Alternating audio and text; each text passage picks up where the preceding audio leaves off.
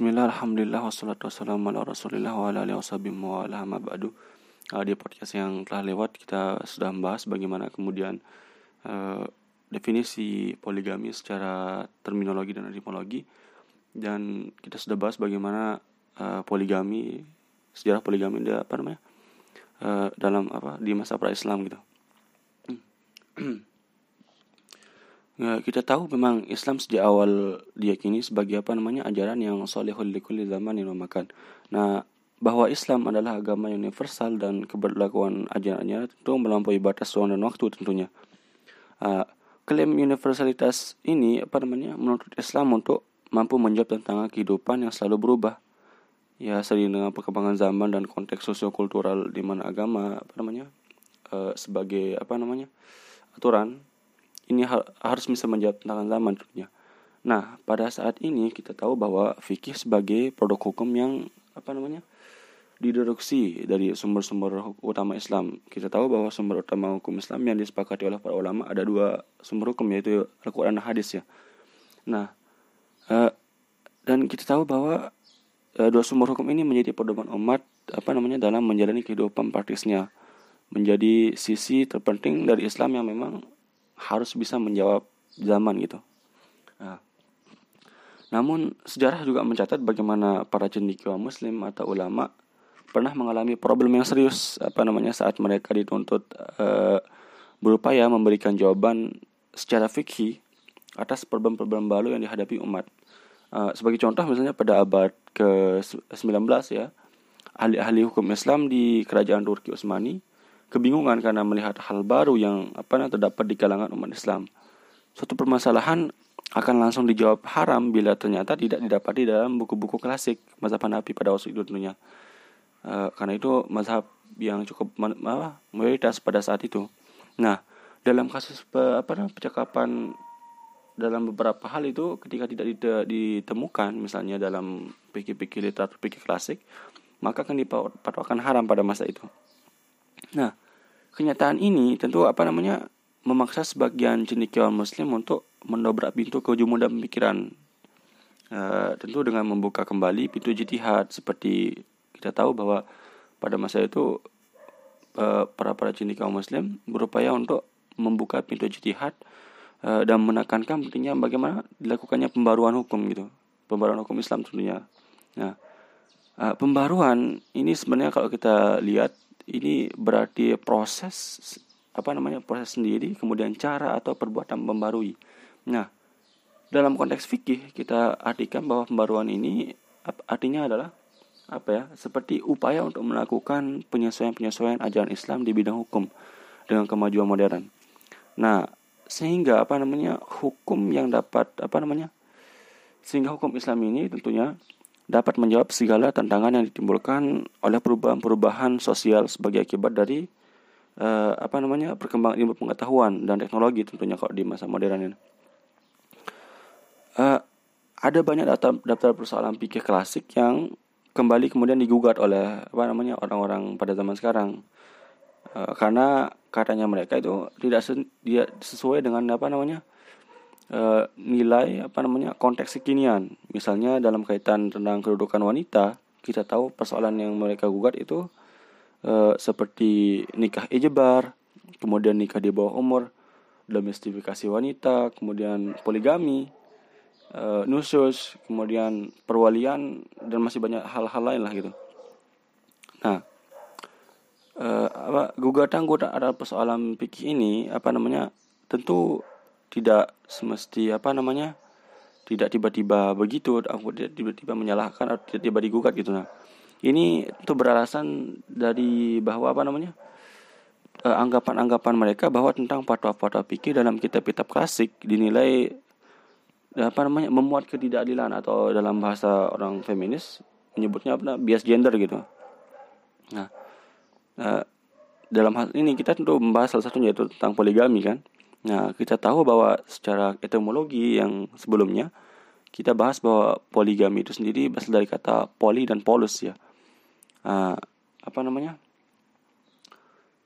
Uh, ini poli dan polus ini berasal dari bahasa Yunani yang berarti banyak. Nah, kata yang kedua itu kan apa namanya gamen kalau tidak salah ya gameon atau gamos ini berarti apa tak kemarin ya kawin nah kawin atau perkawinan uh, maka ketika kedua kata ini digabungkan bisa kita artikan bahwa apa namanya uh, hmm, suatu perkawinan yang banyak itu nah kalau dipahami misalnya menjadi uh, arti poligami adalah perkawinan yang banyak dan bisa terjadi dalam uh, jumlah yang tidak terbatas. Nah, kata poligami tersebut mencangkup dua makna sebenarnya. Ini menurut apa namanya? Jamal Abdul Nasir uh, dalam bukunya apa itu ya bukunya lupa saya judulnya. Kalau tidak salah The Status of Women Under Islamic Law and Modern Islamic Legislation kalau salah ya. Uh, itu menjelaskan bagaimana kemudian poligami ini sendiri memiliki dua makna yaitu uh, uh, poliandri dengan apa itu poligini. Nah, poligini ini yaitu sistem perkawinan yang membolehkan seorang pria mengawini beberapa wanita dalam satu waktu yang sama. Nah, kalau poliandri ini di mana seorang wanita memiliki apa namanya memiliki atau biasa punya hak untuk mengawini sekian banyak lelaki. Nah, yang kita maksud dalam poligami saat ini adalah uh, poligini yaitu pernikahan laki-laki uh, kepada perempuan lebih dari satu gitu. Nah, dalam perspektif Barat kita sudah bahas kemarin kan dalam perspektif Yunani, kemudian bangsa uh, uh, bangsa Arab jahili itu uh, bagaimana memandang perempuan. Nah, dalam perspektif Barat sendiri uh, saat disebut poligami sering kali terbayang adalah harem gitu nah. Namun sesungguhnya kita tahu bahwa poligami dasarnya dibenarkan dalam agama-agama. Uh, misalnya kalau kita Islam kita tahu bahwa bagaimana diceritakan bahwa Nabi Sulaiman ternyata memiliki 300 istri apa bangsawan dan kalau tidak salah 300 uh, eh, selir. Nah, ini uh, termaktub dalam literatur-literatur klasik dalam Islam. Nah, kemudian contohnya lain uh, Nabi Daud yang memiliki 8 istri, kemudian Nabi Ibrahim kalau tidak salah dicatat ada dua istri ya Nabi Ibrahim orang salah paling kurang lah gitu. Nah, Sedangkan dalam Kristen sendiri kita tahu bahwa di gereja-gereja Eropa pun mengakui poligami hingga ab akhir abad ke 17 atau awal abad ke-18 lah gitu ya. Ah, karena tidak ada teks yang jelas dalam perjanjian baru yang melarang poligami, kita tahu bahwa uh, dalam perjanjian lama sendiri poligami itu dibenarkan walaupun memang pada uh, dasarnya setelah apa namanya di perjanjian baru ada yang tidak tidak membenarkan apa namanya praktik poligami dalam Kristen itu. Uh, dalam Islam sendiri tidak ada perbedaan pendapat dalam kala apa di kalangan ulama tentang kebolehan seorang seorang laki-laki apa namanya mengawini wanita lebih dari satu gitu. Nah, yang menjadi perbedaan ini hanya pada apa namanya status hukum kebolehan tersebut, entah itu azimah atau rusoh gitu. Nah, selain itu juga yang menjadi perbedaan dari kalangan ulama ya, dalam Islam itu ada pada apa namanya jumlah istri yang dibolehkan dalam poligami. Nah, dalam hal ini ada empat pendapat. Kita tahu bahwa misalnya pendapat jumhur itu memandang kebolehan poligami terbatas pada empat wanita. Ini berdasarkan surat Anis ayat 3 tentunya yang sangat lama sekali dibahas ketika para apa namanya ulama membahas tentang poligami. Nah, kita tahu pada ayat itu apa namanya ayat ini di surat An ayat 3 bahwa huruf waw dalam kata wasula sawaruba itu termak, uh, bermakna au atau yang artikan di artinya itu tidak apa atau gitu. Nah, tidak bermakna asli yang kalau artinya ya di mana dan gitu. Nah, demikian juga dengan arti masna sula sauruba itu dimaknai dua, tiga dan empat, tidak dimaknai dua dua, tiga tiga, empat empat. Nah, pencimbangan dari arti asal ini menurut sebagian ulama jumhur ini diperbolehkan karena ada korinah dua hadis Nabi yang apa namanya? Uh, yang diriwayatkan oleh Abu Daud sama Ibnu Majah sama ada yang satu itu riwayat uh, Ahmad sama Tirmizi kalau tidak salah ya. Uh, misalnya hadis Qais bin Al Haris itu yang ketika apa namanya masuk Islam uh, dan dia ternyata mempunyai delapan istri lalu uh, kemudian dia uh, berkunjung ke Rasul dan menyampaikan hal-hal tentang istrinya yang delapan gitu. Nah, kemudian Rasul bersabda, uh, pilihlah di antara mereka itu empat. Nah, nah ternyata uh, ada juga pendapat mazhab Zahiri ini pendapat bahwa uh, kebolehan poligami terbatas pada sembilan wanita kemudian nah. Uh, dia, ini diceritakan dari Imam Nahai gitu. uh, ibnu apa nah Abi Laila kemudian Qasim bin Ibrahim kalau asalnya uh, kelompok ini apa namanya memahami huruf wawu pada ayat uh, surat An-Nisa ayat 3 itu tetap pada makna aslinya yaitu bermakna dan. Uh, sedang lapas apa namanya senawa sulasa ruba itu tidak diartikan dua-dua apa namanya tidak diartikan dua apa tidak diartikan dua-dua apa namanya dua tiga dan empat. Hal ini karena wow itu e, menambah. Nah dan ini diwakilkan dengan perbuatan Rasul yang ketika wafat meninggalkan sembilan istri gitu. Ini pendapat madhab Zahiri. Nah kemudian ada pendapat uh, Khawarij dan apa namanya sebagian ulama Syiah bahwa kelompok ketiga ini memandang uh, kebolehan poligami terbatas sampai 19 wanita gitu. Nah, kalau tadi dalam ulama jumhur mengatakan bahwa ada empat batasnya, kemudian ada mazhab zahiri mengatakan bahwa batas poligami ada e, sembilan, kemudian e, ada khawarij dan sebagian ulama syiah beranggapan bahwa batasnya itu 19. Nah, Nah ini ulama-ulama Khawarij dan Syiah ini memaknai bahwa masna sebagai dua-dua karena ia menunjukkan berulang-ulang sekurang-kurangnya dua kali gitu. Jadi dua-dua sama dengan empat. Kemudian kalau sulasa tiga-tiga rubah-rubah dan apa namanya rubah eh, oh, kok rubah aja nih. Rubah itu empat-empat jadi dua-dua sama dengan empat. Nah tiga-tiga sama dengan enam dan empat-empat sama dengan delapan. Uh, oleh karena apa namanya? Kata wau untuk menambahkan bilangan maka jumlahnya menjadi 18 gitu.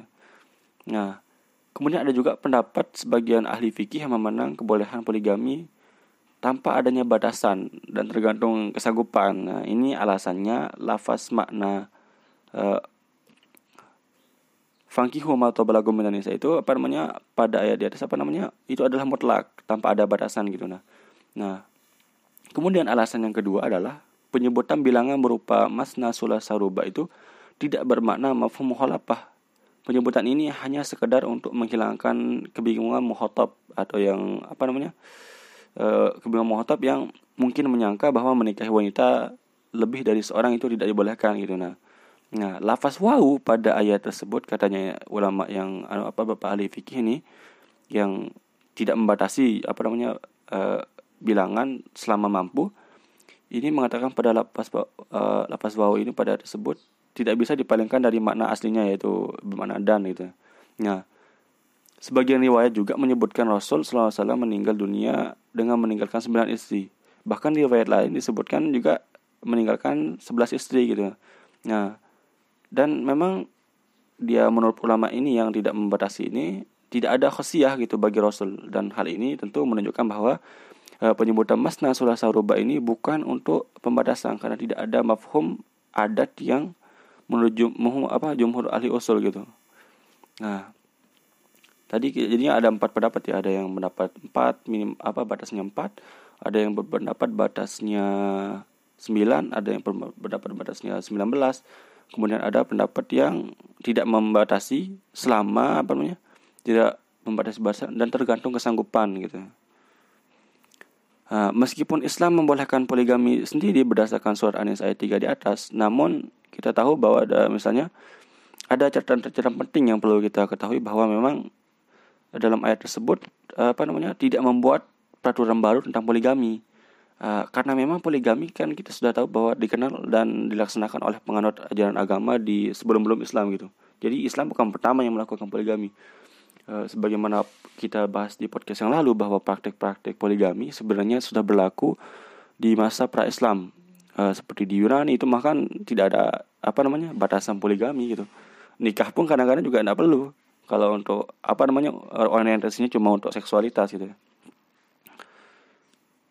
Ya, kemudian hal-hal yang perlu diperhatikan adalah eh apa tadi ya? Saya jadi lupa nih. Uh, di ayat ini juga apa namanya kita perlu pertegas bahwa di ayat ini juga tidak apa namanya menganjurkan apa nah istilahnya menganjurkan atau mewajibkan poligami gitu. Nah ya hanya di ayat ini hanya berbicara tentang uh, bolehnya poligami bagi orang-orang dengan kondisi tertentu. Dan itu pun diakhiri dengan anjuran untuk bermonogami tentunya. Misalnya kan ilam tak dilu fawahidah gitu. Nah jika kamu memang tidak apa namanya uh, mampu gitu maka satu saja gitu.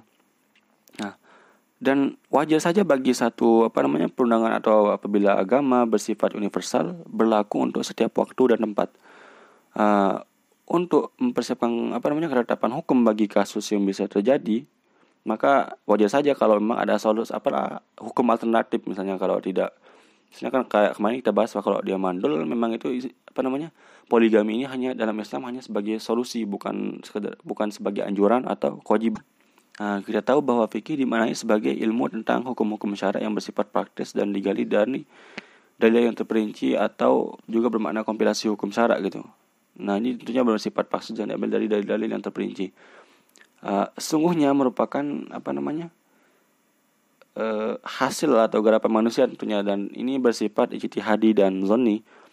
Uh, kita tahu bahwa memang fikih itu berwatak dinamis dan fleksibel sesuai dengan perubahan tempat dan waktu. Nah, sebagian hasil ijtihad fikih dipengaruhi oleh kadar ilmu dan latar belakang sosial, budaya dan pemikiran serta situasi dan kondisi sang mujtahid gitu nah. Maka menjadi hal yang normal bila apa namanya fikih menjadi berbeda-beda dalam ruang apa namanya? Dalam ruang dan ruang lingkup waktu dan apa namanya waktu yang berbeda gitu. Dan dan kita tahu bahwa uh, fikih juga bersifat elastis dan dinamis.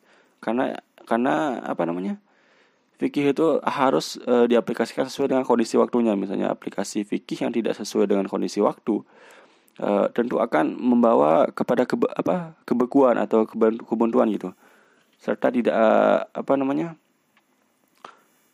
e, tidak bisa menjadi apa namanya tidak bisa tampil gitu sebagai solusi untuk menjawab tantangan zaman e, kita tahulah bahwa memang poros ilmu pengetahuan di beberapa abad terakhir uh, itu mengarah kepada bagaimana kemudian ilmu-ilmu pengetahuan berguna bagi manusia gitu nah. Nah, atas dasar inilah apa namanya beberapa apa namanya orang gitu apa oknum lah kita bilang ya menilai fikih selama ini di yang apa namanya uh, menilai fikih-fikih yang diajarkan di masyarakat apa namanya masyarakat awam sudah tidak apa sesuai lagi dengan konteks masyarakat modern uh, kita tahu bahwa masyarakat modern itu menuntut apa namanya terbangungan relasi laki-laki dan perempuan yang setara gitu. Nah, semakin apa terbukanya akses bagi wanita untuk memasuki dunia pendidikan, ini ternyata mendorong wanita berkarir di ruang publik apa namanya? Uh, menempati apa namanya posisi-posisi yang pada waktu-waktu dulu dianggap tabu misalnya jadi hakim jadi supir atau yang lain ini dalam keadaan terpaksa misalnya gitu. Nah, peran-peran publik wanita menjadi hal yang tidak terelakkan lagi gitu. Uh, apalagi secara formal dan legal negara telah menjamin apa namanya hal-hal seperti itu. Hmm, dalam misalnya dalam beberapa peraturan itu negara menjamin uh, seperti peraturan tentang penghapusan kekerasan dalam rumah tangga, uh, program apa namanya pengaruh utamaan gender, kemudian undang-undang politik uh, yang memberi jaminan apa namanya keterwakilan wanita minimal 30% di lembaga-lembaga politik kenegaraan. Nah, dalam konteks ini apa namanya? fikih klasik tentang keluarga dianggap apa namanya banyak mengandung bias gender gitu. Nah, suatu pandangan dianggap bias gender jika apa namanya uh, tidak termanifestasikan kalau tidak salah lima bentuk ya yang harus termanifestasikan dalam uh, pandangan tersebut. Misalnya kan kayak pertama itu kalau tidak salah apa namanya? Badan ya. Nah, wanita apa namanya? Badan ini maksudnya wanita dianggap apa namanya? Menanggung beban kerja domestik gitu. Lebih banyak dan apa namanya? Lebih lama dari laki-laki misalnya. Kemudian yang hal kedua itu subordinasi misalnya. Maksudnya adalah uh, adanya anggapan bahwa uh, wanita itu rendah gitu di segala bidang misalnya pendidikan ekonomi politik itu wanita itu kurang lah pengetahuan politiknya kemudian kemampuan ekonominya kemudian politiknya itu itu anggapan yang yang menurut orang modern dikatakan sebagai bias gender. Kemudian ada anggapan yang apa namanya marginalisasi perempuan. Ini artinya adanya proses pemiskinan terhadap wanita. Karena kita tahu bahwa katanya itu wanita dilibatkan dalam tidak tidak apa tidak dilibatkan dalam pengambilan keputusan gitu. Uh, terutama terkait urusan penting penting terkait dengan ekonomi keluarga misalnya. Kemudian ada stereotip adanya pelabelan negatif terhadap wanita karena apa namanya dianggap sebagai pencari nafkah tambahan misalnya gitu kan dalam ruang lingkup kerja. Uh, dan ada juga istilahnya itu kalau tidak salah violence ya. Nah itu maknanya adanya artinya apa namanya adanya tindak kekerasan baik fisik ataupun psikis terhadap wanita karena dianggap uh, si suami misalnya menganggap bahwa uh, dirinya sebagai pengusaha tunggal dalam keluarga gitu.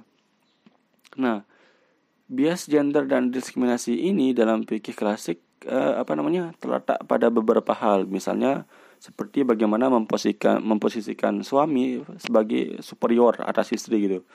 Nah, dan fikih keluarga itu selama ini kita lihat menempatkan wanita uh, pada posisi tidak setara apa namanya dengan laki-laki. Suami yang diberi kewenangan menjadi pemimpin keluarga cenderung dipahami sebagai pemilik uh, penuh kekuasaan dalam keluarga dan istri. Tentunya harus patuh uh, terhadap kita itu. Nah, kondisi ini potensial disalahgunakan oleh suami untuk melakukan tindak kekerasan terhadap istri misalnya saat suami menganggap istrinya tidak taat. Nah, domestifikasi wanita selama ini selama ini fikih cenderung merekomendasikan tugas-tugas istri dalam lingkup peran rumah tangga saja seperti reproduksi, pembenahan urusan-urusan rumah tangga misalnya gitu. Uh, khususnya di bidang uh, pengurusan rumah dan anak gitu. Nah, pernikahan di bawah umur dan hak-hak ijbar bagi wali ini juga menjadi masalah yang katanya orang-orang sekarang sebagai bias gender. Nah, dalam hal ini Misalnya didasarkan pada surat At-Tolak ayat 4 dan An-Nur ayat 32. Nah, hak ijbar ini kita tahu bahwa adalah hak untuk menikahkan anak apa namanya atas cucu wanita tanpa mendapatkan persetujuan dari eh, yang bersangkutan.